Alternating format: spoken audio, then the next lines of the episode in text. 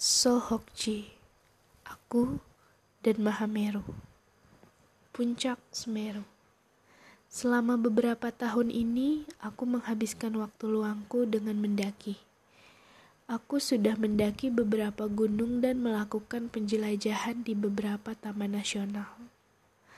Semua perjalanan tersebut aku lakukan dalam keadaan good mood. Lain ceritanya dengan pendakianku kali ini ke Gunung Semeru.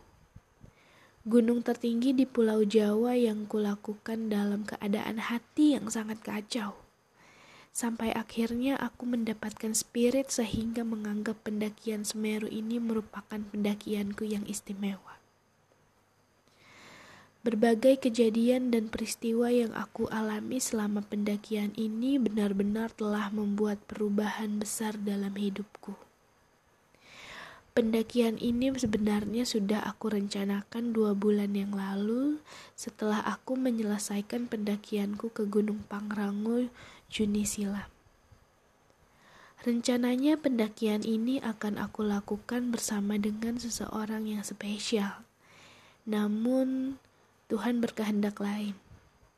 Ternyata ia tidak diizinkan lagi untuk mendaki sehingga membuat rencana awal tersebut hampir saja gagal. Hampir saja pendakian Semeru gagal.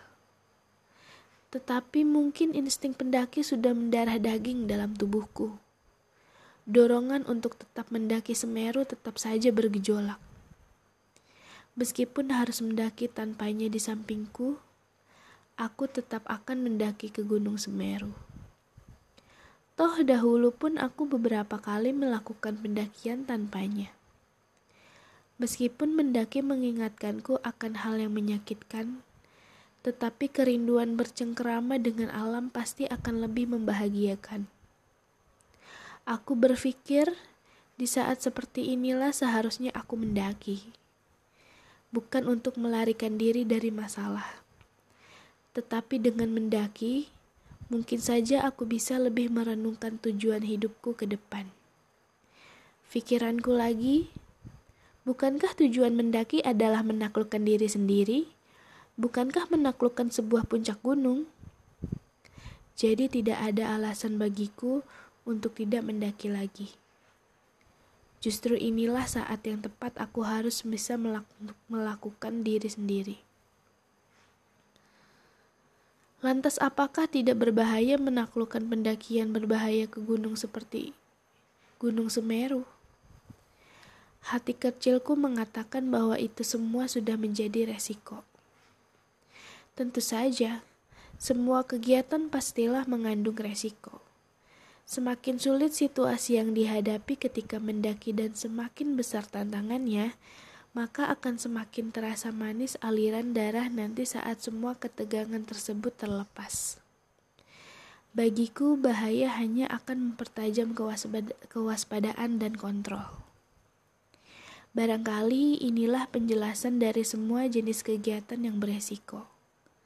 Kalaupun harus meninggal di puncak Mahameru karena hipotermia atau gas beracun atau sebab lain, aku tidak akan menyesal Bukankah setiap pendaki ingin berpulang dan berbaring tenang di rumahnya, yaitu gunung?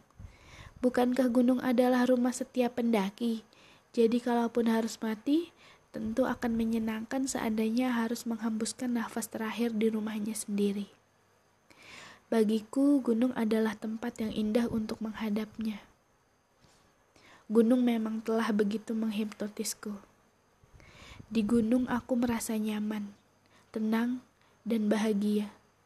Di gunung aku merasa sangat dekat dengan yang menciptakan aku dan menciptakan dunia ini. Di gunung pula aku bisa merasa betapa dekatnya batas antara kehidupan dan kematian, sehingga tidak ada tempat bergantung selain kepada Sang Pencipta, Allah Subhanahu wa Ta'ala. Sungguh, gunung merupakan tempat yang sangat luar biasa. Mahameru 1 September 2011